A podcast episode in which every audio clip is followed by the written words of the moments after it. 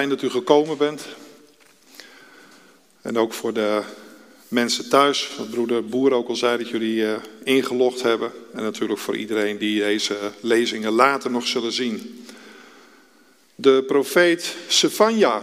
Ik wil eerst uh, wat versen met u lezen. Ik lees niet door de hele profeet heen, omdat ik straks aan het eind een beetje in wat sneltreinvaart door de hele profeet eh, heen wil. En dat, uh, dat wijst zich dan vanzelf wel. Ik wil met u beginnen te lezen in hoofdstuk 1, vers 1. En dan lezen wij het woord van de Heere dat gekomen is tot Sefania, de zoon van Cushi, de zoon van Gedalia, de zoon van Amaria, de zoon van Hiskia, in de dagen van Josia, de zoon van Amon, de koning van Juda.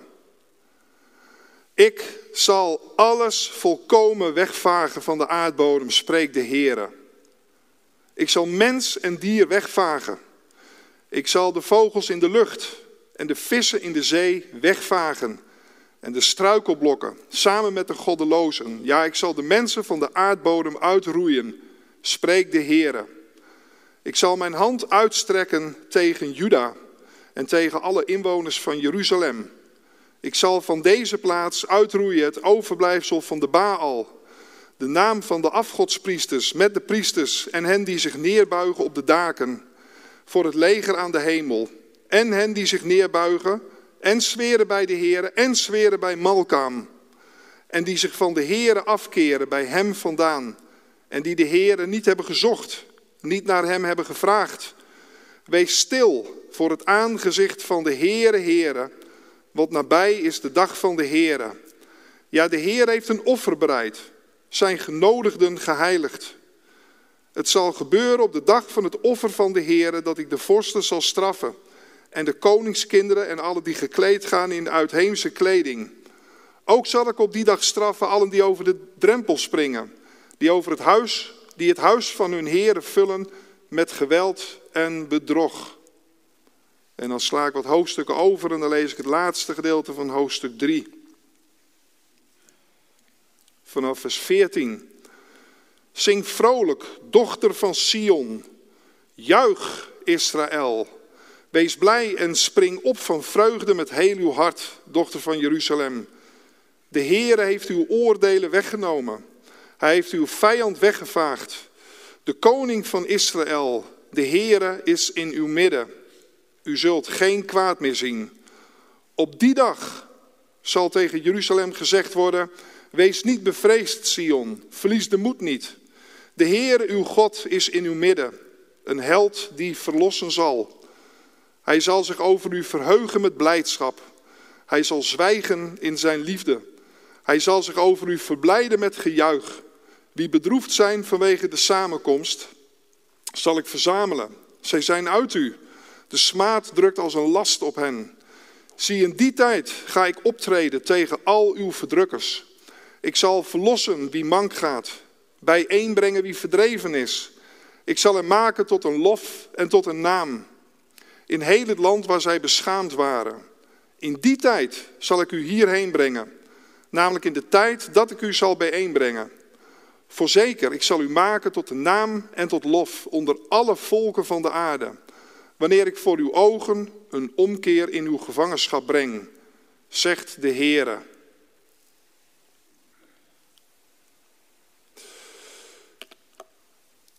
Wonderlijk als je in drie hoofdstukken zo'n geweldige overgang ziet, als we in deze profeet um, zien. En ik moet zeggen, eigenlijk is het wel kenmerkend voor alle profeten die geweldige contrasten van enerzijds een, een, een aanzegging van een oordeel van de Heer. En aan de andere kant ook altijd weer die boodschap van hoop. En dat is eigenlijk wat je consequent vindt in de kleine profeten, maar je vindt het ook consequent in de grote profeten. Eh, Jezaja, Jeremia en Ezekiel doen het eigenlijk op dezelfde wijze. Daniel is een beetje een uitzondering, een klein beetje. Uh, maar ook daar weten we dat het begint met, uh, ook daar vinden we een periode van grote verdrukking en een, een oordeel van de Heer, wat uiteindelijk eindigt in de wederkomst van de Messias. En ook dat vinden we hier. Hier wordt niet zozeer gesproken over eh, de wederkomst van, ehm, van de Heer in de letterlijke zin. Zo wordt hij niet als zodanig beschreven. Dat gebeurt wel in de andere kleine profeten. Maar hier vinden we wel wat er gebeurt met het Joodse volk. Wat hen aangezegd wordt en wat, um, waar het uiteindelijk naartoe gaat. En ik hoop u vanavond mee te nemen door deze profeet. Om te laten zien hoe glorieus de toekomst van het Joodse volk is. Van de afstammelingen van Abraham, Isaac en Jacob. Eerst even over. Van over Sefania zelf weten we eigenlijk niet zo uh, bar veel zelf. Uh, de, de profeet komen we ook eigenlijk alleen in het boek zelf tegen. Um, van Sefania wordt wel uh, eigenlijk in het eerste vers gezegd dat hij min of meer een achter, achter kleinzoon is van deze koning Josia. Josia, een hele positieve koning. Um, hij begint ook met het noemen van, hij zegt de zoon van Hiskia. Hiskia was ook een, eh, een goede koning over, het, over het twee-stammenrijk. Maar van de profeet zelf weten we eigenlijk niet zo heel veel. We weten dat het een tijdgenoot is van um, Nahum en het is een tijdgenoot van Jeremia.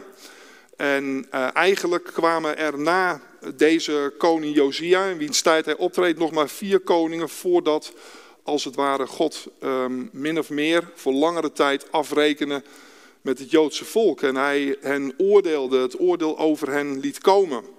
Zijn naam betekent uh, Safanja, dat is de naam. Safan Yahu, dat is eigenlijk um, wat, wat, zijn naam is. Alle namen die we tegenkomen waar het woord ja voor, uh, achter staat, dat zijn allemaal afkorting van Yahweh de naam, de eigen naam van de Heer, de naam waar de Heer zich mee openbaarde. En dan uh, het woord Safan, wat zoveel betekent als de Heer verbergt zich of de Heer zal verbergen. Dat is eigenlijk de betekenis van zijn naam.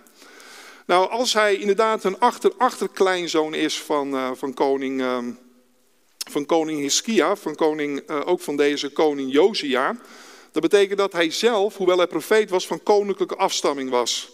En wanneer we kijken hoe hij spreekt in deze profetie over de omstandigheden, hij, geeft in uh, vers 10 spreekt hij over, er zal hulpgeroep klinken uit de vispoort. Uh, vervolgens het vers verder, gejammer vanuit het nieuwe stadsdeel. Dan veronderstelt dat wel dat de profeet zelf in Jeruzalem optrad. Dus de hoofdstad van het Tweestammenrijk, de plaats waar de koningen van Israël um, woonden. Waar zij zeg maar, zaten met hun, uh, met hun troon. Hè? Dus in de stad van David. Um, daar, uh, dat was de plek waar zij waren. Dus zij stonden eigenlijk bovenop de hoofdstad. En bovenop het doen en laten van de koningen. Wel, wanneer trad deze koning op? Nou, hij zegt al, ten dagen van koning Josia. Koning Josia, het, uh, uh, zijn regeringschap van 640 tot 609 voor Christus. Zo'n 23 jaar voor de val van Jeruzalem. En uh, de deportaties van het Joodse volk. Hè, we hebben het uitvoerig gezien uh, toen we de vorige keer spraken over, um, over Zacharia. Zacharia is natuurlijk een profeet die komt na de ballingschap. Dus we hebben de 70 jaren van ballingschap al gehad. En deze uh, profeet Savanja zet daar nog voor. Hij kondigt het eigenlijk aan. Hij kondigt eigenlijk het oordeel van de Heer aan over de goddeloosheid die daar was. En de geschiedenissen van koning Jozua, die vindt u uh, in 2 Koningen 22 en 23 en 2 Kronieken 34 en 35. Ik ga er zo iets meer over zeggen, omdat daar wat bijzonders mee is. Wel, hij kan zo'n beetje zo'n 30 jaar opgetreden hebben. Nou, de tijdgenoot heb ik al gezegd, hè, was een tijdgenoot van Jeremia en van Nahum. Uh, veel van zijn oordeelsaanzeggingen komen dus ook overeen met wat de profeet Jeremia ook zei. Jeremia was heel direct aan het hof. Dat lezen we hier niet zozeer van Sefania. Ik weet ook niet of zij elkaar persoonlijk kenden. Dat, dat vermeldt het uh, niet. De Heer maakt van meer mensen uh, gebruik. Nog eventjes een plaatje over die ehm, zoals we gezien hebben. Hier vinden we eigenlijk nog het eh, gele gedeelte. Dat hele groene wat u hier ziet, dat is eigenlijk het hele Assyrische wereldrijk wat toen de tijd, uh, um, eigenlijk, ja, wat toen de tijd heerste. Een enorm gebied. Je ziet hier een klein gebied Judea. En het is natuurlijk ook wel wonderlijk als je daarnaar kijkt, naar die enorme kaart, dat je daar zo'n klein geel gebied vindt. Wat dus eigenlijk ook laat zien dat de Heer niet toegestaan heeft dat dit, eh, dat dit twee stammengedeelte met Jeruzalem als hoofdstam al overrompeld was. want als we even naar boven kijken, want ik wijs nu hier naar Judea, maar hier ligt natuurlijk het tienstammenrijk. En u ziet dat dat al helemaal groen is. toen ehm, ehm, Samaria ingenomen werd en het tien-stammenrijk ingenomen werd, zo'n pak een beet 135 jaar voordat Jeruzalem in ballingschap eh, ging en eh, de stad verwoest werd, dan zien we al in dat de Heer de tien-stammenrijk al had overgegeven in de handen van de vijand. Nou, hier vinden we dus um, het Assyrische wereldrijk met uh, Nineveh als hoofdstad, die verschrikkelijke stad waar ook Jona tegen moesten profiteren. Een, een, volk bijzonder gewelddadig. Geen enkel respect voor menselijk leven, geen enkel respect voor hun, voor hun vijanden. Daar maakten ze echt verschrikkelijk korte metten mee. Het was een, een, een nare overheerser, zeg maar gerust. Nou, we moeten bijzeggen dat in deze tijd um, eigenlijk dit rijk al zo'n beetje op zijn retour was. Want er zou een grotere kracht uit dit gebied komen, namelijk uh, het rijk uh, wat toen in opkomst was, het rijk van koning Nebukadnezar, dus het Neo-Babylonische wereldrijk. Wat uh, pak een beet 25 jaar, uh, jaar later als een campagne zou beginnen, de Assyriërs zou verslaan en daarna het heersende wereldrijk zou worden. En van hen stond de Heer ook toe dat zij het stad en dergelijke innamen. Goed, even over de omstandigheden. Dus we, we, zitten hier ons in de, we bevinden ons in de dagen van koning Josia. En Josia was een goede koning. Op achtjarige leeftijd kwam hij aan de macht. En uh, waarschijnlijk heeft hij nog een tijdje als, als, uh, onder zijn moeder uh, geleefd, als het ware, totdat hij de leeftijd had dat hij uh, bij zijn verstand was. Want het woord van God zegt het al, arm is het volk waar een kind op de troon zit. En um, we kunnen ons dat voorstellen. Dat dat natuurlijk geen, geen goede zaak is. Maar Josia heeft altijd een hart voor de Heer gehad. Dus van jongs af aan is hij godvruchtig en godvrezend geweest. Maar hij leefde wel in de nadagen van zijn, um, van zijn, um, zijn opa. even te kijken, van, van zijn opa Manasse. En zijn vader Amon. Nou, dat waren wel zo'n beetje de slechtste koningen die, uh, die de tweestammenrijk. Dus uh, degene die echt daadwerkelijk van David afstanden gehad heeft. Een land wat echt uh, verschrikkelijke goddeloosheid was. Um, onder verschrikkelijke goddeloosheid leefde. He, het is een, was een enorme afgoderij. Maar toen Josia, toen Amon eenmaal gestorven was, die maar twee jaar regeerd heeft, maar uh, zijn, uh, zijn opa Manasse heeft toch een, lange tijd een koninkrijk gehad. Toen moest hij schoon schip gaan maken, Josia. En dat deed hij. Hij liet de tempel weer, weer helemaal herstellen. Ik heb hier de dingen even op een rijtje gezet. Um, hij onderwierp zichzelf aan de wet van de Heer nadat deze teruggevonden was in de tempel. We weten dat hij de tempel liet herstellen.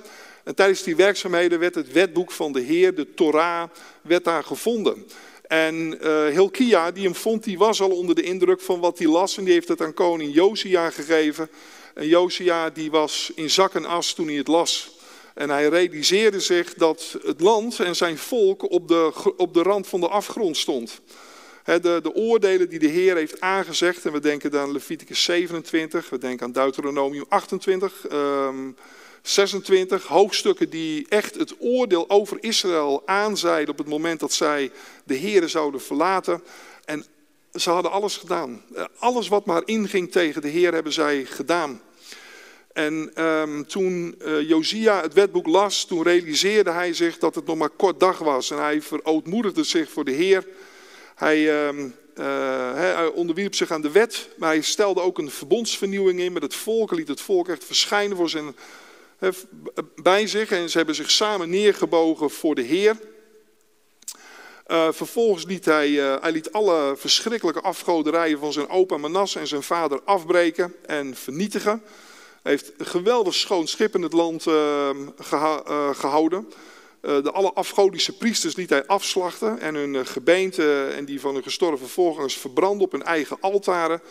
En daarmee vervulde hij ook een profetie. Het was, uh, was zo'n 300 jaar eerder was gezegd dat dit zou gaan gebeuren. Dat deze koning zou komen die dit ook daadwerkelijk zou doen. Dus een een, een, een, ook een aangeven van de Heer dat hij doet letterlijk wat hij gezegd heeft. Dat is ons heel goed om ons te realiseren. We bespreken met elkaar vanavond de profetieën van Sefania. We hebben die van de voorgaande hebben ook al gezien. En velen van ons zijn misschien opgebracht in wat we noemen de verbondstheologie, wat geweldig de neiging heeft om alles wat de Heer in het Oude Testament zegt overdrachtelijk maken, te vergeestelijken en te gaan toepassen op de kerk. Ik denk dat dat echt een grote fout is, een enorme misvatting is, omdat de Heer letterlijk doet wat hij zegt. Gods gedachten zijn Gods woorden, zijn Gods daden. En ook deze profetieën laten zien dat God letterlijk vervult wat hij gezegd heeft, zodat de partijen ook weten, er is een profeet van God geweest die dit gezegd heeft. Het, is, het wordt letterlijk vervuld. Je kunt niet halverwege het proces de boel overdrachtelijk gaan maken en opeens heel andere mensen als partij in een verbond gaan stoppen. Dat is een misrekening die we ons echt moeten realiseren. Er is geen enkele reden om profetieën overdrachtelijk te gaan maken uh, op het moment dat het niet zelf het woord van God dat aangeeft dat het bedoeld wordt. En ik denk dat we daar een groot gevaar mee maken, doordat we op die wijze eigenlijk, nou, God toch wel min of meer in zijn karakter aantasten. want God doet wat hij zegt en hij doet het letterlijk. Als hij zegt letterlijk, deze afgodspriesters zullen gedood worden en zij zullen op hun eigen altaren geslacht worden. En het gebeente van die priesters zal worden opgegraven en verpulverd worden. Dan is dat allemaal letterlijk gebeurd. Letterlijk. En God heeft daar belang bij dat we daar onze hand op leggen en weten, dit is wat God gezegd heeft. Dat geldt voor ieder belofte die God geeft. En we moeten ook goed kijken aan wie hij de belofte geeft natuurlijk. Hè? Dat, is, is belangrijk.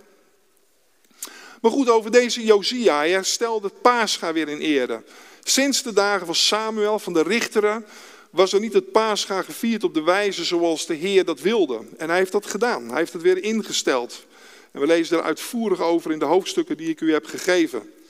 Nou, het is dan toch wonderlijk dat op het moment dat we um, ons realiseren dat hij al deze veranderingen doorvoert, hoe het dan toch kan dat deze profeet Sefania daar optrad met zo'n geweldige waarschuwing die hij gaf aan het volk.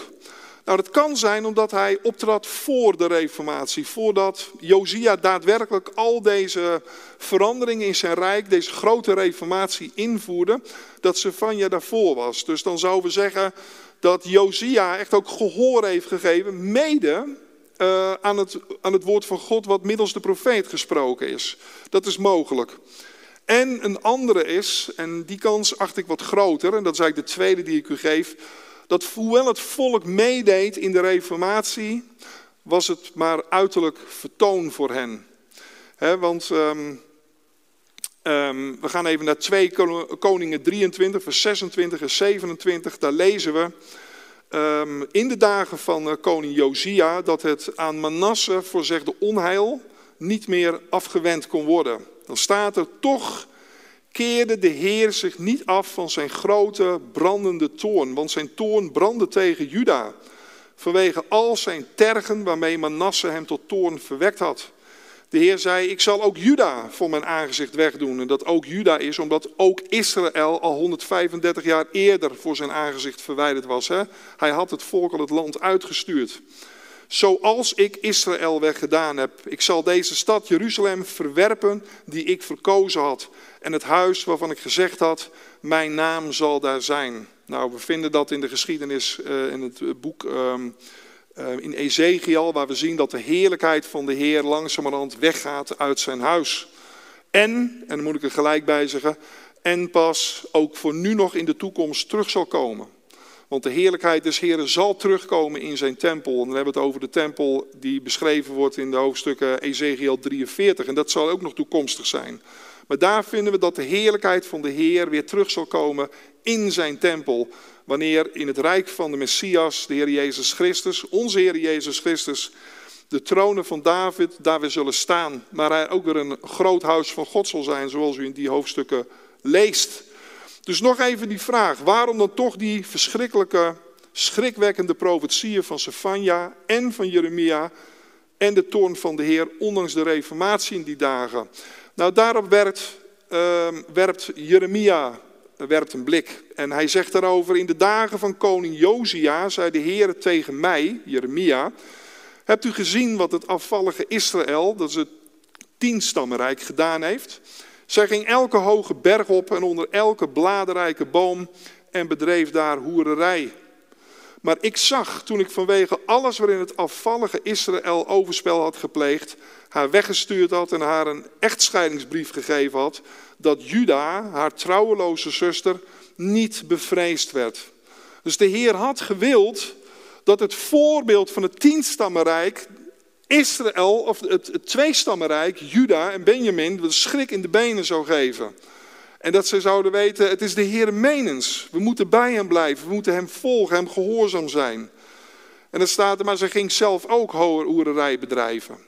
Zelfs in het alles heeft haar trouweloze zuster Juda zich niet tot mij bekeerd met heel haar hart. En dan komt het, maar slechts in schijn, zegt de Heer. Het was uiterlijk vertoon. En hoe is dat met ons, broeders en zusters? We hebben geen oordeel van de Heer in die zin, maar diezelfde gedeelten die spreken ook tot ons. Is het ons menens in ons leven met de Heer of is het slechts in schijn? Ziet het er aan de buitenkant allemaal mooi religieus uit? Maar gaat ons hart ook werkelijk uit naar de Heer? Want hoe groot de zegeningen van de Heer ook aan Israël, wat Hij aan ons gedaan heeft, is nog veel groter. Leden van het lichaam van de eeuwige God in de Zoon, Jezus Christus, zijn leden van zijn lichaam, zijn zijn geestelijke tempel in onze dagen. En we mogen ons dat realiseren. Er wordt geen toorn aangezegd over de gemeente, maar we mogen ons echt wel realiseren dat God ook wil dat het ons menens is en dat het voor ons niet ook slechts schijn is.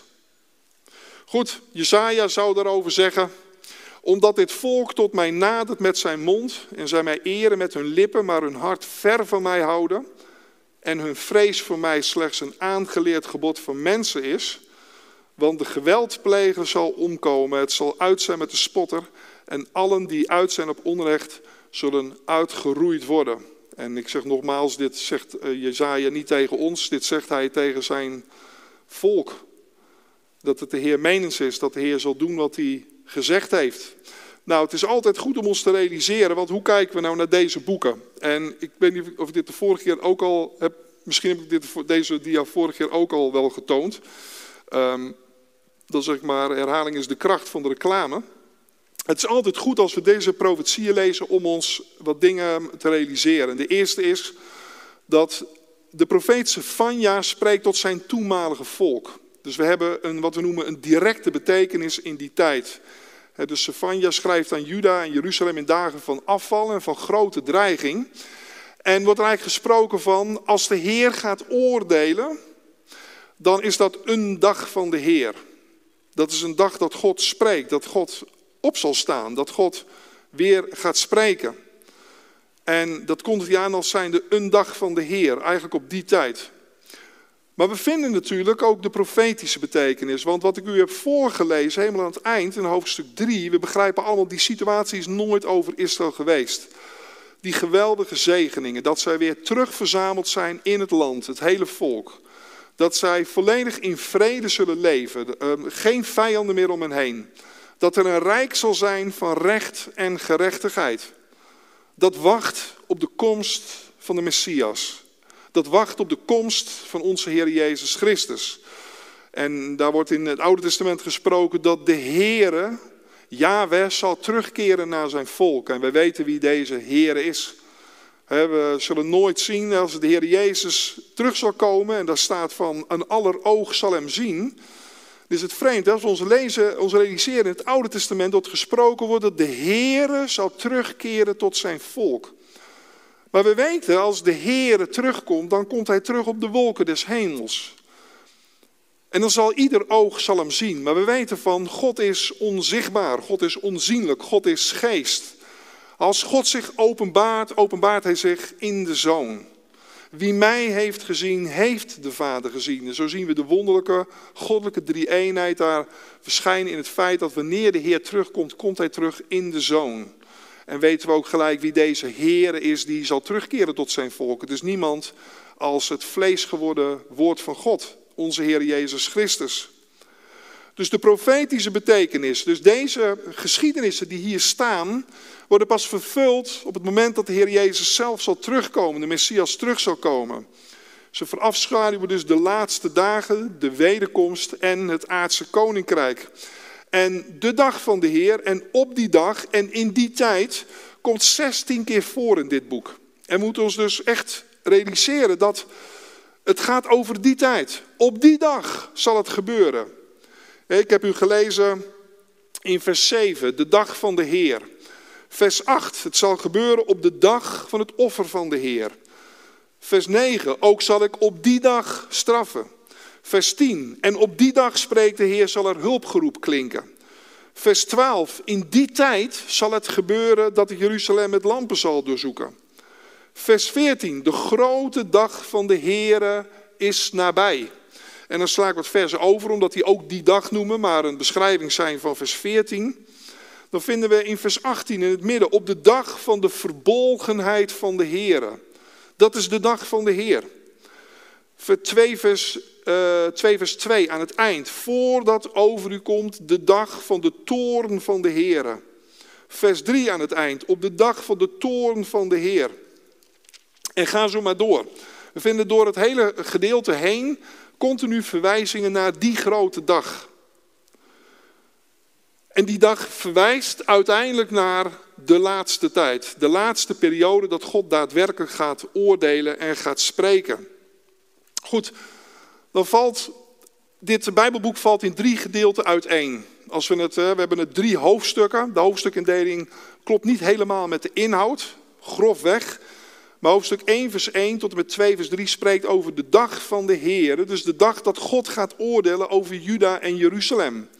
Hij begint met een oordeelsaanzegging over de hele aarde, maar gaat gelijk daar naartoe en zegt dan ook en bovenal over Juda en Jeruzalem.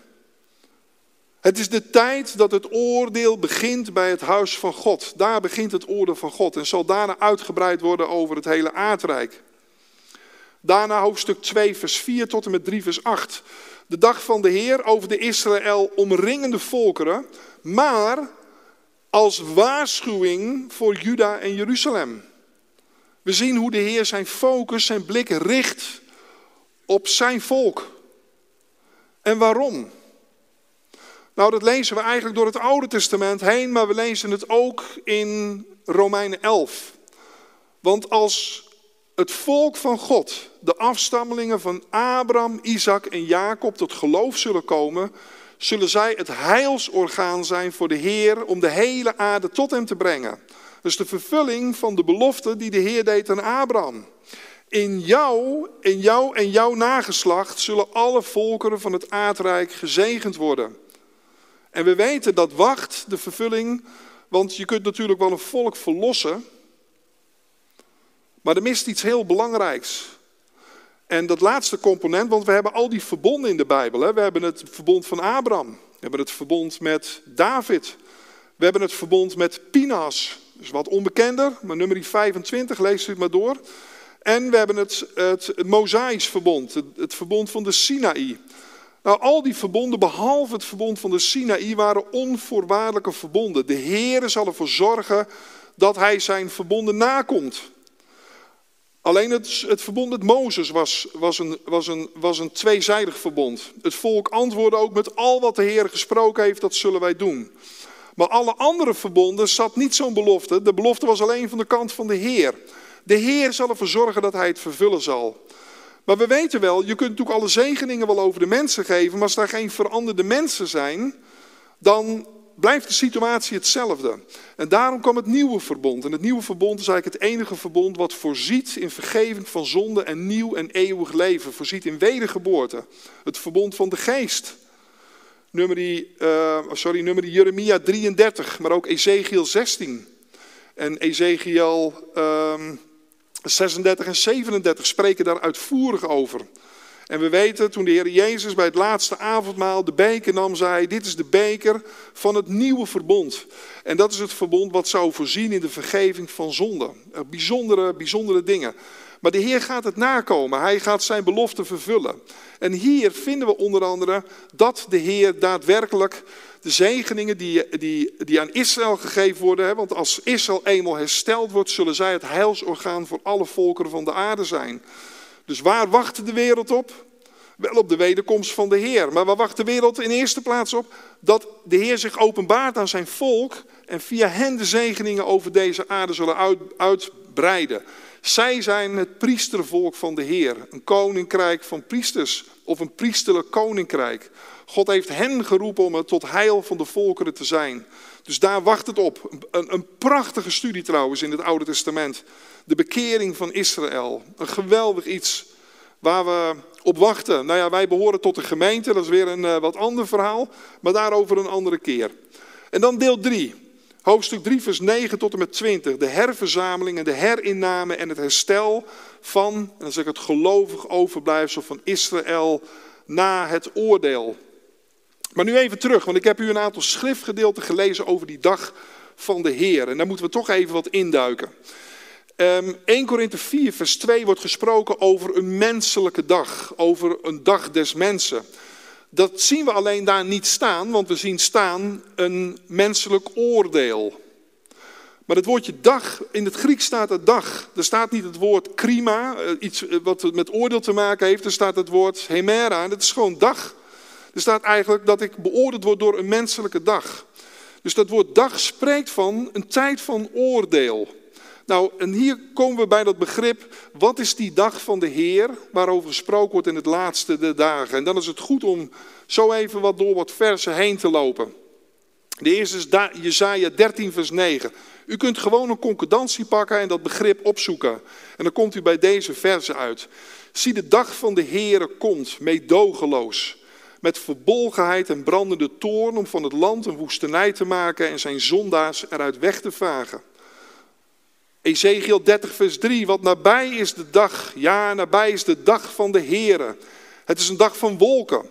De tijd van de heidenvolken zal komen. Joel 1, vers 15, ach, die dag.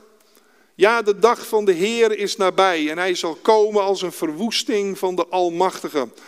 En laat me duidelijk zijn, ik hoop dat u met het lezen van dit soort begrippen niet de gedachte hebt dat we het hier over de zondag hebben. Ik weet niet over hoe uw samenkomsten zijn. Maar ik heb er andere gedachten bij als dit. En eigenlijk wordt dat begrip ook niet gebruikt voor, uh, voor de zondag. voor zover het begrip zondag überhaupt al voorkomt. Joel 2 vers 11. En de Heer laat zijn stem klinken voor zijn leger uit. Want zijn leger is zeer groot, ja machtig is hij. Die zijn woord ten uitvoer brengt. Groot is immers de dag van de Heer en zeer ontzagwekkend. Wie zal hem kunnen verdragen? Obadja, vers 15. Want de dag van de Heer is nabij over alle heidenvolken. Zoals u gedaan hebt, zal u, zoals, u, zoals u gedaan hebt, zal u gedaan worden. Wat u verdient, zal op uw eigen hoofd terugkeren. Sefania 1 vers 7. Wees stil voor het aangezicht van de Heere, Heere, wat nabij is de dag van de Heere. Ja, de Heer heeft een offer bereid, zijn genodigden geheiligd. En we zien hier de grote oordeelskant van deze dag van de Heer. Maar daar is niet alles mee gezegd.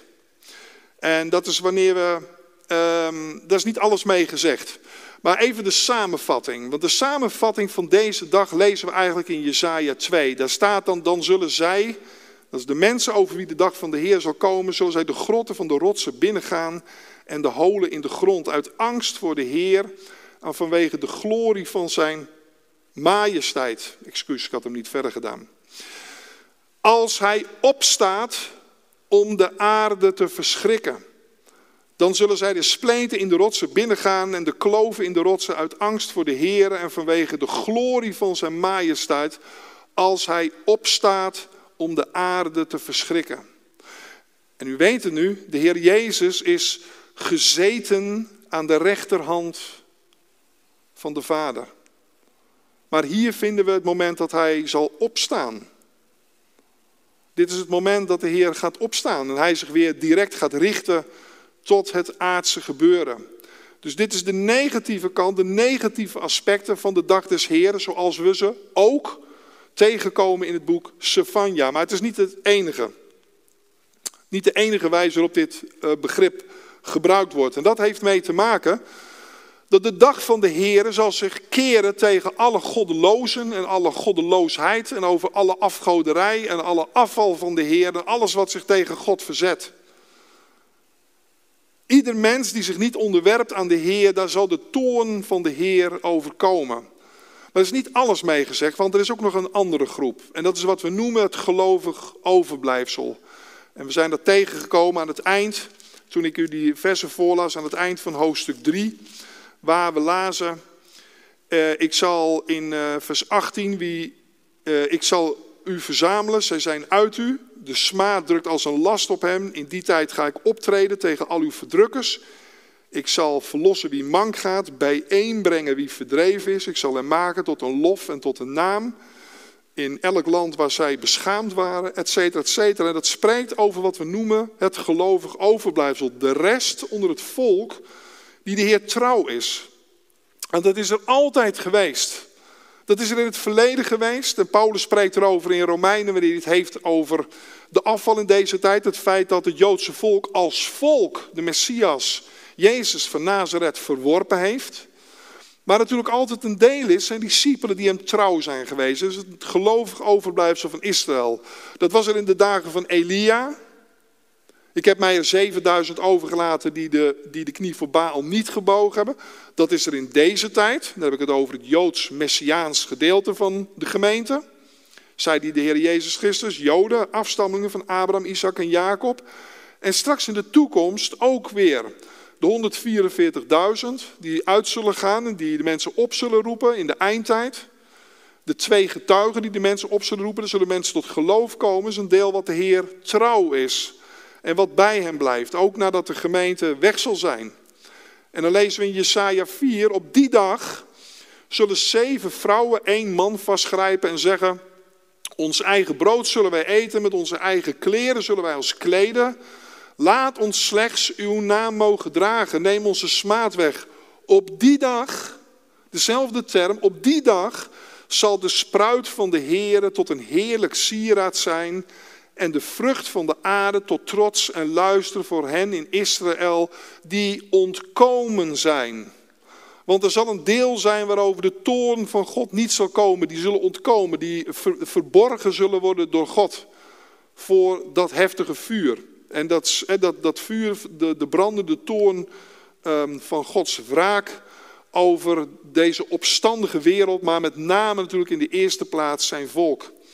Jezaja 10, vers 20. Op die dag zal het gebeuren dat de rest van Israël en wie van het huis van Jacob ontkomen zijn, niet langer zullen steunen op hem die hen geslagen heeft, namelijk degene, de volken met wie zij eigenlijk een alliantie hadden willen, willen eh, hebben om, om zich beschermd te voelen.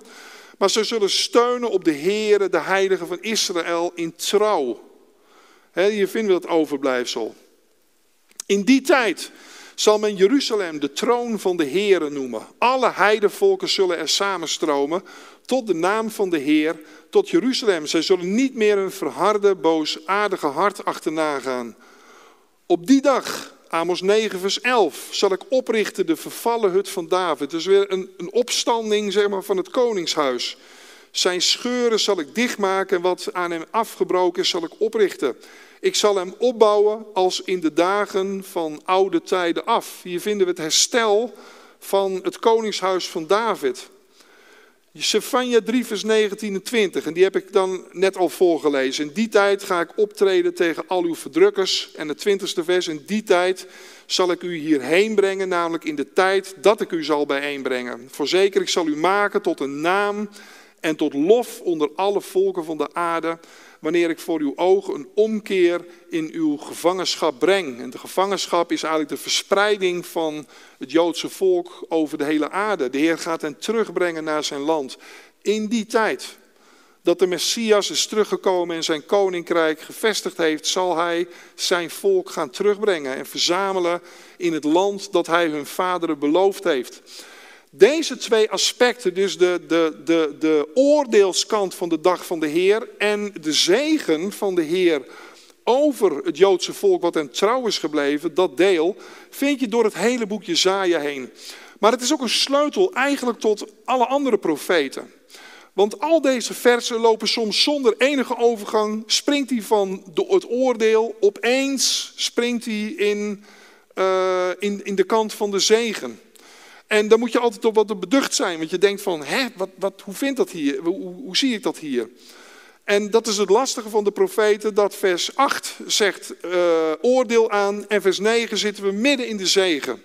En de profeet uh, heeft geen overgang. En dat zie je ook in het boek Sefania. Het springt over van oordeel naar zegen. We moeten ons altijd goed realiseren dat het oordeel is over hen die de Heer niet gehoorzamen, die niet in Hem geloven. Die het offer van de Heer Jezus, want dat is de boodschap in onze tijd en ook straks, afwijzen. En het deel wat de Heer trouw is, wat Hem zal aannemen, wat in Hem zal geloven. Waar de Heer grote zegen voor heeft, omdat de Heer heeft beloofd dat alle verbonden vervuld zullen worden aan zijn volk in de persoon van onze Heer Jezus Christus. Want het nieuwe verbond, daarvan zegt Jezaja, uh, sorry, daarvan zegt Jeremia dat ik heb u, de knecht van de Heer, tot een verbond voor het volk gegeven. Dat nieuwe verbond is niet een iets, het is iemand, het is een persoon, het is Jezus Christus zelf. En in Hem wordt dit alles vervuld. En daar komen heerlijke zegeningen uit voort, die de Heer altijd voor zijn volk bedoeld heeft. En dat zien we verschijnen door de profeten heen. En dat zien we ook in deze profeet uitvoerig naar voren komen. Dus, enerzijds een periode van verschrikkelijke oordelen, waarin die God niet willen erkennen. Anderzijds een dag van loutering, van herstel en grote zegen over hen die zich bekeren en de Heer zoeken. En ik heb al gezegd, ik heb u even eh, dat gezegd, het feit dat er 16 keer in deze profetie aan die dag, dus de dag van de Heer, op die dag en in die tijd 16 keer aan gerefereerd wordt, geeft wel aan dat dit wel het centrale thema van het boek is, het oordeel van de Heer. Goed, wat kunnen we hieruit leren? Want het gaat over, het gaat over uh, Gods oordeel, um, wat hij laat gaan over zijn volk. Maar ten eerste de Heer is een soeverein koning over alle volken. Hij staat boven alles, want de volken kunnen van alles roepen. We kunnen naar het nieuws kijken, we kunnen denken wat gaat Poetin doen. We kunnen denken wat gebeurt daar in die Arabische landen allemaal. Zal hij medestanders krijgen, Poetin? Zal Iran zich bij hem aansluiten? Wat gaat China doen? Wat doet India? Allemaal groot, eigenlijk best groot machten die ja, zich meer of meer afzijdig houden. Wat gaat Amerika doen? Maar realiseer ons al, de Heer staat daarboven. De Heer staat boven al deze dingen. Het is allemaal in zijn hand. Het loopt hem niet over de voeten. Ten tweede, de Heer duldt geen enkele God naast zich. Dat is ook ons belangrijk om ons te realiseren. De Heer wil niet dat, um, er, dat hij mensen naast zich heeft. Dat hij um, zaken die op de troon zitten naast hem. Ook niet in ons leven dat is wat hij zegt. De Heer duldt geen afgoderij in zijn land. Ik las u die versen voor. Die en de Heeren dienen en Malkaam, hun koning. Ja, dat kan niet. Dat, dat kan niet samengaan. De Heer duldt dat niet. Ten derde, hij heeft het recht en hij kan doen met het aardrijken naar bewoners wat hij wil. God is soeverein daarboven. En hij zal oordelen. En zijn oordeel over de vier punten op het kompas laat zien dat hij geen plaatselijke en beperkte godheid is, maar hij is God over alles. En de vier punten van het kompas, daar kom ik zo nog even over. Goed. Dat zijn de aspecten over de soevereiniteit van God. Er is nog een ander aspect wat belangrijk is.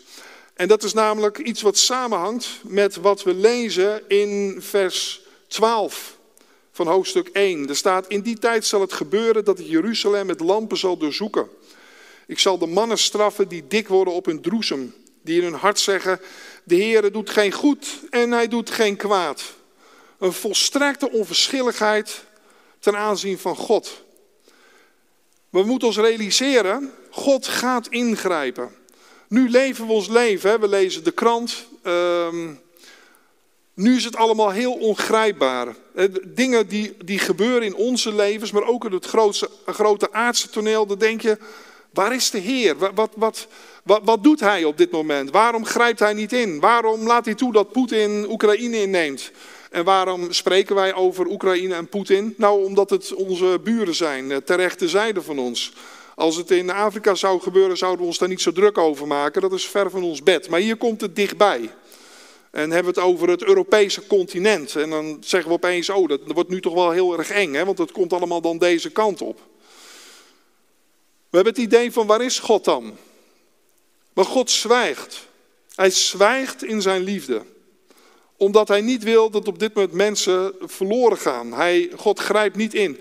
God doet van alles. Maar het is niet tastbaar, het is niet duidelijk. Maar hier gaat God heel direct ingrijpen. Dan staat er vers 12. In die tijd zal het gebeuren dat ik Jeruzalem met lampen zal doorzoeken. Ik zal de mannen straffen die dik worden op hun droesem, die in hun hart zeggen: De Heer doet geen goed en hij doet geen kwaad.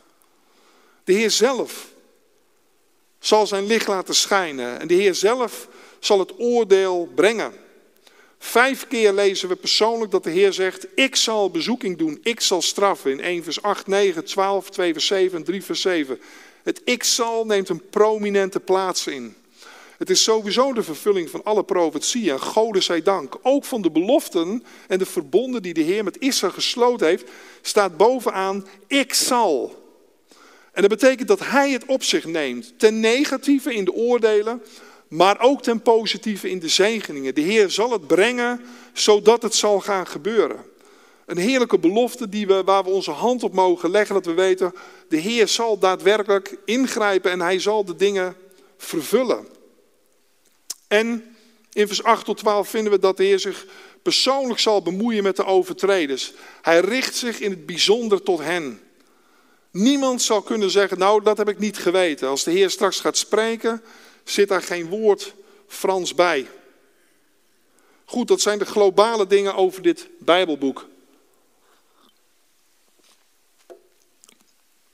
Nu een globale bespreking. En dan lopen we eigenlijk gewoon door deze verzen heen. En u kunt uh, voor degenen die een Bijbel bij zich hebben gewoon meelezen. In hoofdstuk 1, vers 2 en 3 vinden we de inleiding die spreekt over Gods grote oordeel over het hele aardrijk. Het wordt daar weergegeven. En dat vinden we in vers 1 tot en met 3, waarin hij de, de kernboodschap is dat de Heer een oordeel als een vloed zal brengen. Het zijn dezelfde woorden die ook in Genesis gebruikt worden. Ik zal alles volkomen wegvagen van de aardbodem. Dit is wat we zien in de gebeuren in Openbaring 15 en 16. Daar vinden we letterlijk deze grote oordelen van de Heer die over het aardrijk zullen komen. Want ook de openbaring eindigt met de wederkomst van de Heer.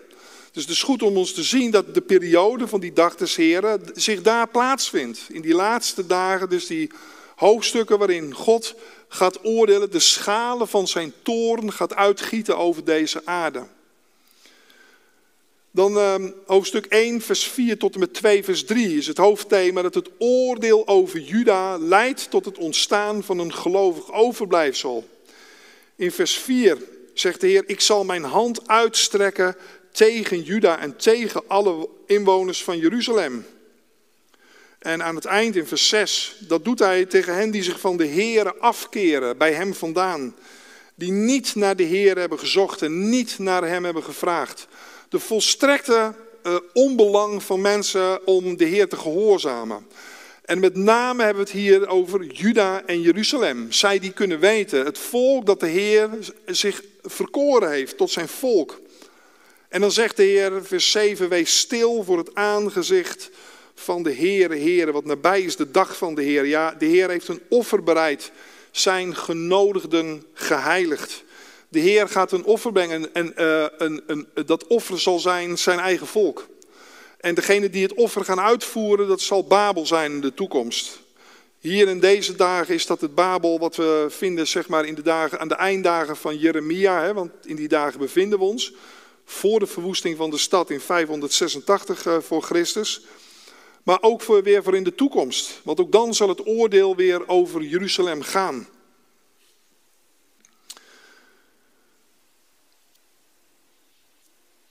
Dat is dus, uh, dit gedeelte loopt dan helemaal door tot en, met, um, tot en met vers 18 van hoofdstuk 1. En dan vinden we in hoofdstuk 2, vers 1 tot 3, vinden we een oproep om ernst te maken met het zoeken van de Heer, omdat dit tot verberging, lees, behoudenis leidt. En dan lees ik in hoofdstuk 2, vers 1, Daar heeft de Heer die oordelen aangezegd. En dan zegt hij tegen het volk: onderzoek uzelf nauwkeurig. Ja, onderzoek uzelf. Volk zonder verlangen naar God. Voordat het besluit, zeg maar dus de uitvoering van dit oordeel het licht ziet. En een dag gaat als kaf voorbij. Hij zegt, je bent gewaarschuwd. Voordat over u komt de brandende toorn van de Heer. Voordat over u komt de dag van de toorn van de Heer. Zoek de Heere, alle zachtmoedigen van het land, die zijn recht uitvoeren. Zoek gerechtigheid, zoek zachtmoedigheid. Misschien zult u dan verborgen worden. Er is een deel wat zich al onderwerpt, wat de Heer noemt de zachtmoedigen van het land. Ook te vertalen met nederigen, zij die zich onderwerpen aan de Heer. Als goed is, zijn wij dat ook. Als mensen die erkennen wie God is. En erkennen wie God in ons leven is. Dan spreekt de Bijbel over, zijn we zachtmoedig. Nederig van hart. Omdat we erkennen dat er iemand boven ons staat die wij willen gehoorzamen. Die wij lief hebben. Omdat hij ons eerst heeft lief gehad. En dat is, voor het Joodse volk is dat niet anders. En we zien ook dat dat getal van die, dat overblijfsel hier niet vol is. Hè? De Heer roept hen op. Jullie kunnen er nog bij. Verneder je voor mijn aangezicht. Buig voor mij. De Heer roept hen op om ehm, daadwerkelijk tot hem te komen. En dat zeg maar dan 2 vers 1 tot 3. En dan hebben we het eerste deel van de profetie gehad. Het tweede deel, dan ga ik even naar deze. Hoofdstuk 2 vers 4 tot en met 3 vers 8 spreekt over de dag van de Heer over de Israël omringende volkeren als een waarschuwing aan Juda en Jeruzalem. Dus hoofdstuk 2 vers 4 tot en met 3 vers 8. Dan ga ik even één dia terug, want het is even goed om ons te zien. Want hij gaat spreken, want ik noemde u net even dat God is heerser over de vier einden van het kompas. En nu gaat hij namelijk spreken over vier gedeelten. Dan moet ik eventjes uh, moet ik even wijzen. Hierboven vinden we dat hij gaat waarschuwen uh, Assur, en um, Assur en Nineveh. En dat is het noorden, dat is zeg maar ten noorden van Israël. Vervolgens richt hij zijn waarschuwingen over Filistea. En is het over Asdod en over Ekron en over Gaza. wat we nu zouden noemen de westelijke Jordaanoever. Dat is het gedeelte Filistea. In de dagen van Israël zijn altijd de vijanden geweest. Dus hier het noorden. Dan richt hij zich tot het westen van het volk. Vervolgens richt hij zich tot de koninkrijken Ammon en Moab. Zo'n beetje het, heiden, het, huiden, het hedendaagse Jordanië. Daar bevonden zich die twee broedervolken van Israël, afstammelingen van. Um,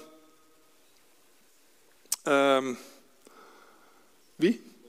Lot, heel goed. De, de afstammelingen van Lot, die we hier vinden, maar die altijd vijanden zijn geweest van het Joodse volk.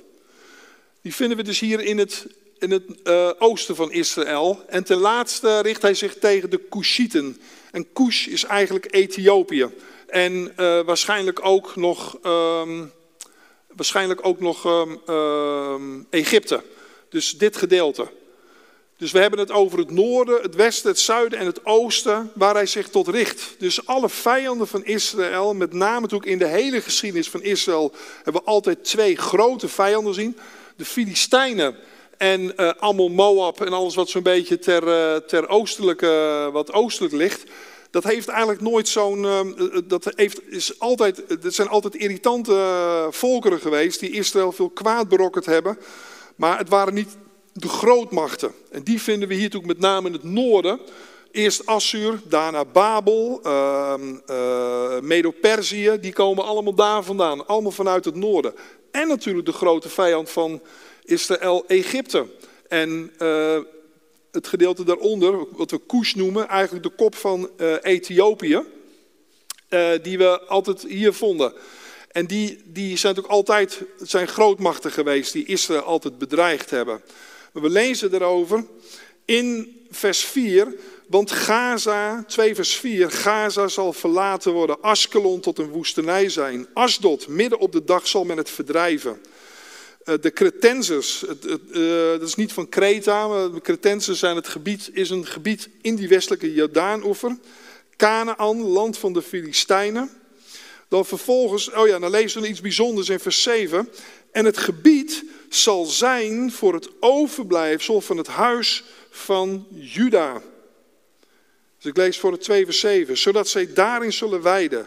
S'avonds zullen zij de huizen van Aske, zullen zij in de huizen van Askelon nederliggen.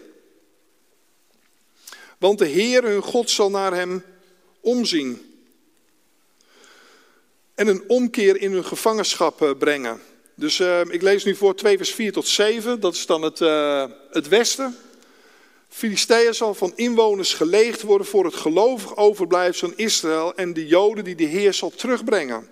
Dus dat land wordt aan Israël gegeven. Dan vervolgens in 2 vers 8 tot 11 wordt gesproken over het oosten. Ammon en Moab zullen verwoest worden, zodat het bezit van het overblijfsel van Gods volk zal worden. Dus dat lezen we in vers 8 tot en met 11. Dat eindigt ermee. Um, de rest van mijn volk zal hen, dat is Ammon en Moab, plunderen. Het overblijfsel van mijn volk zal hen in erfelijk bezit nemen. En we zien dus dat het gebied wat toegezegd is aan Abraham, daar ook daadwerkelijk aan Israël gegeven zal worden. Dit is nog nooit gebeurd in de geschiedenis. Dus daarom weten we ook, het is toekomstig. Dit is nog nooit vervuld. Deze gebieden zijn nooit van Israël geweest. Ja, soms een tijdje onder de koningen, onder David en ook een groot gedeelte onder Salomo. Maar we vinden hier ons al honderden jaren na Salomo en wordt het ten aangezegd. En dat is, daarna is dat nooit gebeurd. Dan vervolgens 2 uh, vers 12, het zuiden, Ethiopië, Egypte geslagen. Dus Kush is Ethiopië. En dan in vers 13 tot en met 15 het noorden, waar gesproken wordt over dat Assur en Nineveh verwoest zullen worden. Grote vijanden van Israël.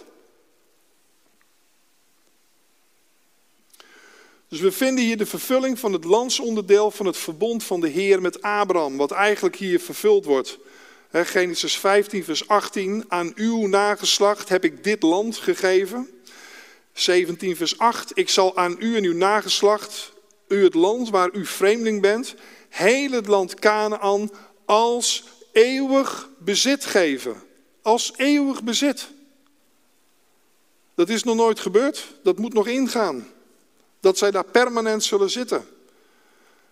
Exodus 32, vers 13. Aan het eind, dit hele land waarover ik gesproken heb, zal ik aan uw nageslacht geven, zodat zij het voor eeuwig in erfbezit nemen. Voor eeuwig, de Heere zal daarvoor zorgen. En dan Ezekiel 37. Zij zullen wonen in het land dat ik aan mijn knecht, aan Jacob gegeven heb, waarin uw vaderen gewoond hebben. Zij zullen daarin wonen met hun kinderen en hun kleinkinderen tot in eeuwigheid. En mijn knecht David zal tot in eeuwigheid hun vorst zijn. Dat kan David zelf zijn. Het kan de zoon van David zijn. Beide zijn mogelijk. Nou, een belangrijke excurs voor het begrip van dit boek, maar ook voor alle andere profeten, is dat is wat we vinden, wat we noemen het gelovig overblijfsel. En de versen die erover gaan, zeggen 2 vers 3. Zoek de Heer alle zachtmoedigen, nederigen van het land, die zijn recht uitvoeren. Zoek gerechtigheid, zoek zachtmoedigheid. Misschien zult u dan verborgen worden op de dag van de toorn van de Heer. Dit, dit gelovig overblijfsel wordt gekenmerkt doordat het recht en gerechtigheid doet en zoekt. En dat geldt ook voor ons. En weet u wat het bijzonder is? Als de Heer deze dingen vraagt, u vindt het ook in Jezaja. Daar wordt gezegd, jullie zorgen slecht voor de weduwe en de wees. Jullie verdraaien het recht. Jullie, um, jullie um, misbruiken het recht als je, een, uh, als je um, gekocht wordt met uh, giften en gaven corruptie, alom verbreid. En de Heer zegt tegen het volk, dat is niet in overeenkomstig met wie God is. En dit overblijfsel is zoals de Heer is. Zij zoeken recht en gerechtigheid, zij zoeken heiligheid. Zij willen de Heer gehoorzamen. Dat is een kenmerk van dit gelovige overblijfsel. En zij hechten een rotsvast geloof aan de Heer. 2 vers 7. En het gebied zal zijn voor het overblijfsel van het huis van Juda, zodat zij daarin zullen weiden. S'avonds zullen zijn de huizen van Askelon neerliggen, dus in het westelijk gebied. Want de Heere hun God zal naar een omzien en een omkeer in hun gevangenschap brengen. Dus de Heer belooft dat hij hen terug zal brengen in het land. 2 vers 9. Voorzeker, Moab zal als Sodom worden en de Ammonieten als Gomorra. Een woestenij tot in eeuwigheid. De rest van mijn volk, hier vind je weer het woord rest, zal hem plunderen. Het overblijfsel van mijn volk zal hen in erfelijk bezit nemen. Dan in hoofdstuk 3, vers 9 en 10. Voorzeker, dan zal ik bij de volken, volken Israëls, ik heb het ertussen gezegd, bedoelt de Heer mee de heidenvolken. Er staat niet goyim, het woord goy, dat is het eigenlijk het, het, het Hebreeuwse woord voor heidenvolken. Maar hier staat amim, een meervoud van het woord am is het, het, het woord wat de Heer gebruikt voor zijn volk. Ami is mijn volk. Dat zegt hij tot, e- tot Israël. De Heer noemt Israël in principe geen goy, want dat zijn de heidenen. Op sommige plaatsen doet de Heer dat wel. Dan noemt hij zijn volk goy. Jullie zijn heidenen, omdat je zo ver van mij afstaat. Maar hier staat er dat ik de Amim, dus de volken Israëls, de lippen veranderen zal in reine lippen, zodat zij allen de naam van de Heer zullen aanroepen om hem schouder aan schouder te dienen. Van over de rivieren van Kush zullen zij die vurig tot mij bidden. Het volk overal door mij verspreid mijn offer brengen. Dat is waarom ik ook denk dat 3 vers 9 spreekt over zijn volk en niet over de heidenvolken. En als laatste natuurlijk 3 vers 12 en 13 aan het eind. Maar ik zal in uw midden doen overblijven, een overblijfsel, een ellendig en arm volk. Zij zullen op de naam van de Heere vertrouwen. Het overblijfsel van Israël zal geen onrecht doen en geen leugen spreken. En in hun mond zal niet gevonden worden een tong die bedriegt. Ja, ze zullen wijden en neerleggen en niemand zal er schrik aanjagen. Wat een heerlijke toestand. dit is de beschrijving van het volk in vrede. Het wacht op de komst van de vredevorst. Niemand zal hen meer bedreigen. Dat zullen de duizend jaren zijn en natuurlijk ook de eeuwigheid daarna. Geen bedreiging meer voor het volk, zoals de Heer beloofd heeft aan zijn volk helemaal in het begin. Maar wat ze eigenlijk verspeeld, verkwanseld hebben door de Heer te verlaten en bij hem weg te gaan. Dit spreekt, al deze versen spreken over dat belangrijke gelovige overblijfsel. Het overblijfsel van zijn volk. Overigens ook het overblijfsel wat door die verdrukking heen gaat. In de tijd waarover we het hebben, over de dag des Heeren, aan het eind spreken we het ook over de tijd van de antichrist. De verschrikkelijke persoon, de, die koning die een verbond met het ongelovig deel van het volk zal sluiten. Uh, hen hun tempel zal geven, hun offerdienst weer terug. Maar die in het midden van het verbond, na drieënhalf jaar, uh, opeens de boel zal openbreken en zich zal ontpoppen als een verschrikkelijk persoon. Een dramatische tijd. De tijd van het teken van het beest, wat het gelovig overblijfsel zal weigeren. Dat lezen we allemaal niet hier, dat is nieuw-testamentische openbaring, maar het hoort er wel bij. Goed, en dan het laatste gedeelte. 3 vers 1 tot 5, het oordeel over de volkeren als waarschuwing voor de goddeloze leiders in Jeruzalem, terwijl de gerechtigheid van de Heer bij hen was. Want in vers 5, hoofdstuk 3, vers 5, daar lezen we, de rechtvaardige Heere is in haar midden. En in haar, dat is van 3 vers 1, wederrebelse, de besmette, de stad die onderdrukt. En hij heeft het hier over Jeruzalem. Jeruzalem waarin zoveel onrecht is, terwijl de Heer daar nog was. De Heer was nog steeds in die stad. Want in de dagen van Ezekiel, die uh, zo'n 25 jaar later zullen gaan spelen bij de verwoesting, in de dagen daar vlak voor zien we dat de heerlijkheid des Heeren weggaat van de tempel en dan uit het land. Maar hier is de Heer nog in hun midden. Ondanks al die goddeloosheid zegt hij, ik ben in jullie midden. En alleen zijn gelovig overblijfsel is een volk wat ook recht en gerechtigheid zoekt. De Heer is daar, maar het overgrote gedeelte van het volk deed het in schijn. Ze hadden er geen enkel belang bij en um, ze deden maar net alsof. Het was eigenlijk allemaal ongerechtigheid. 3, vers 6 tot 7, 6 en 7. Ik heb heidevolken uitgeroeid, hun hoektorens zijn verwoest, ik heb hun straten leeggemaakt. Niemand trekt er nog doorheen.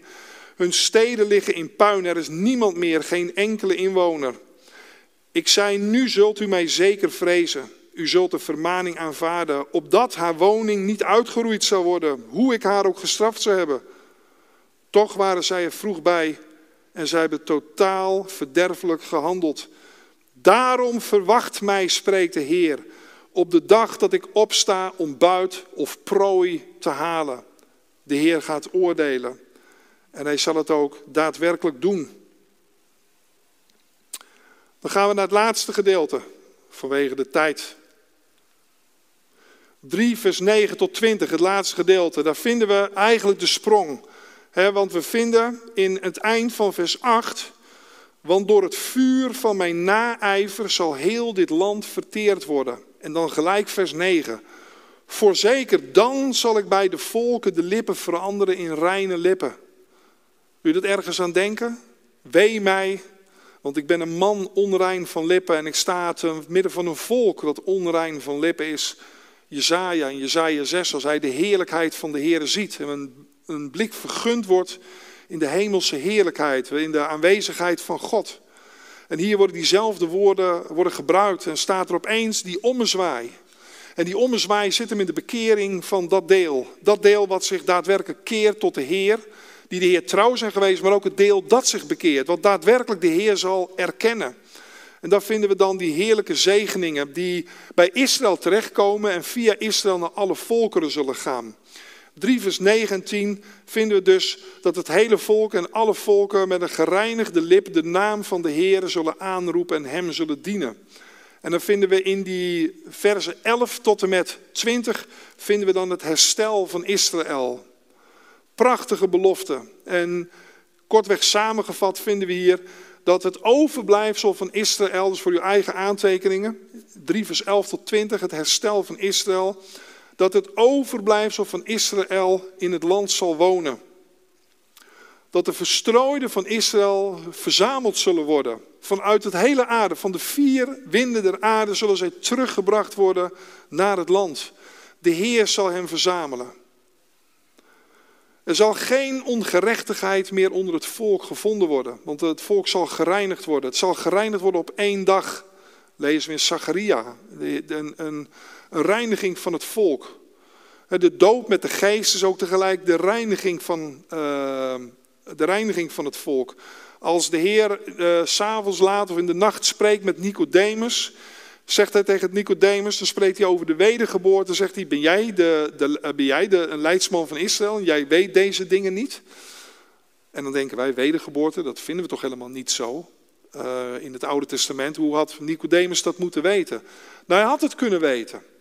Want we vinden het uitvoerig in Ezekiel 36 en 37. Er wordt uh, gesproken over het herstel van Israël. Er wordt gesproken over een doop met water, een wassing met water en een wassing met geest. Dus hij had dat kunnen weten. Het is een verwijzing naar die gedeelte. En natuurlijk al dat er helemaal in Deuteronomium al gesproken wordt dat het volk een gereinigd hart zou krijgen, een nieuw hart om de Here lief te hebben en om hem te dienen. dus deze dingen zijn aangekondigd. Maar ze zullen eerst van hun ongerechtigheid gewassen worden. En daarom snappen we dat dat in het Oude Testament, maar ook in de dagen dat de Heer Jezus zelf hier op aarde was, niet kon gebeuren tenzij de Heer eerst zou sterven. Lijden en sterven voor het volk. Hij moest lijden en sterven. Om hun uh, zonde te kunnen vergeven, om hun zonde te dragen, hun ongerechtigheden te dragen. En dan lezen we, de Heer zal zelf in hun midden wonen als koning. Prachtig, hè, dat 17e vers. De Heere uw God is in uw midden een held die verlossen zal. Hij zal zich over u verheugen met blijdschap. Hij zal zwijgen in zijn liefde.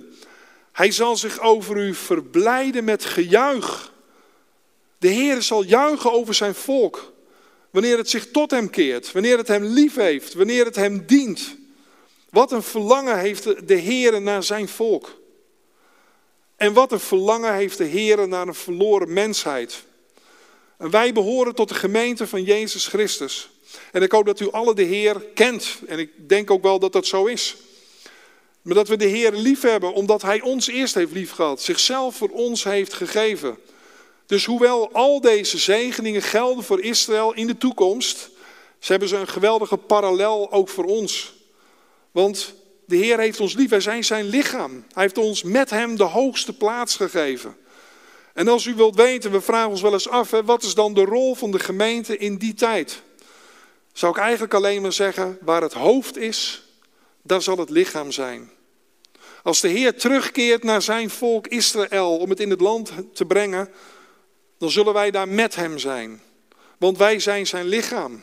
We zullen daar ongetwijfeld een rol in spelen. Wat een genade bewijst de Heer zijn volk, zal hij zijn volk bewijzen. wanneer het zich tot hem keert. En in deze tijd, iedere Jood die zich bekeert, wordt toegevoegd aan het lichaam van Christus. En wij mogen de leden van zijn lichaam zijn. Deze Heer, deze koning, die zijn koninkrijk gaat vestigen, die het volk zal herstellen, zoals we dat uitvoerig gezien hebben in de profeet Sefania, is degene die ons lief heeft en zichzelf voor ons heeft overgegeven, ons tot zijn lichaam heeft gemaakt.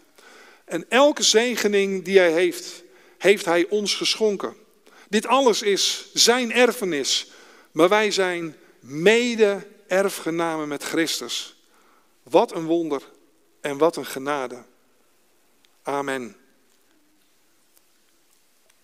Zullen we met elkaar danken?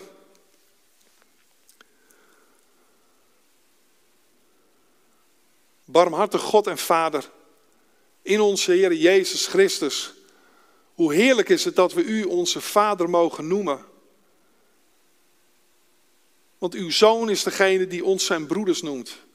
Degene die ons gekocht en betaald heeft, aan uw hart heeft gebracht. En vader, we mogen, mochten vanavond als Mephibozet aan de tafel van de koning zitten. En luisteren naar zijn plan. En alles wat u nog gaat doen in de toekomst. En vader, dan willen we bidden dat we niet alleen daarop wachten, maar dat er ook in deze tijd nog vele, vele van uw Joodse volk, uw zoon, de Heer Jezus, als hun Messias zullen aannemen. Vader, daarom willen we ook bidden voor de verspreiding van de Bijbel onder het Joodse volk. Voor de prediking van het Evangelie onder het Joodse volk. En niet alleen onder hen, maar onder ieder mens. Want uw oordeel zal niet alleen over hen komen, maar ook over het gehele aardrijk. En Heer, het zal een verschrikkelijke periode zijn. En Vader, eigenlijk vinden we de meest logische reactie dat dat uw antwoord zou zijn op de verwerping van uw zoon. Goddeloze en wetteloze handen die hem aan een kruis hebben gespijkerd, die u had gegeven voor het leven van de wereld. Vader, hoe bijzonder zou het, hoe, hoe, wat zouden we verwacht hebben dat u de poorten van de hemel dicht gesmeten zou hebben, om nooit meer een van deze goddelozen onder wie wij behoren toe te laten. Maar vader, we zingen, ik zie een poort wijd openstaan, waardoor het licht komt stromen. En vader, daarin zien we uw liefde en uw genade die u hebt voor een verloren en gevallen mensheid. Vader, dank u wel dat u ons zo lief hebt. En dank u wel dat u in de toekomst uw volk zal terugnemen. Wat u altijd zo heeft afgewezen. Maar wat u weer in genade en in geloof en in vertrouwen zal aannemen.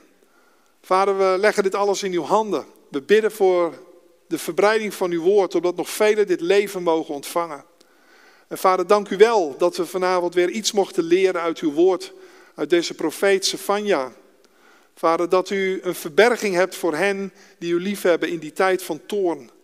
Vader, we willen danken dat we uit uw woord mogen leren dat wij niet in die periode zullen zijn. Maar Heer, mag er een verlangen in ons hart zijn om uw stem te zijn in deze tijd. Om uw woorden van genade te spreken. Vader, wilt u met een ieder zijn die er was vanavond en die geluisterd heeft, wilt u hen thuis brengen in alle veiligheid waar zij verwacht worden. Vader, we brengen ons zo voor de troon van uw genade en danken u voor wie u bent, wat u voor ons gedaan hebt en voor de liefde die u voor ons hebt, zo bewezen in uw Zoon en onze Heer en Heiland Jezus Christus. Amen.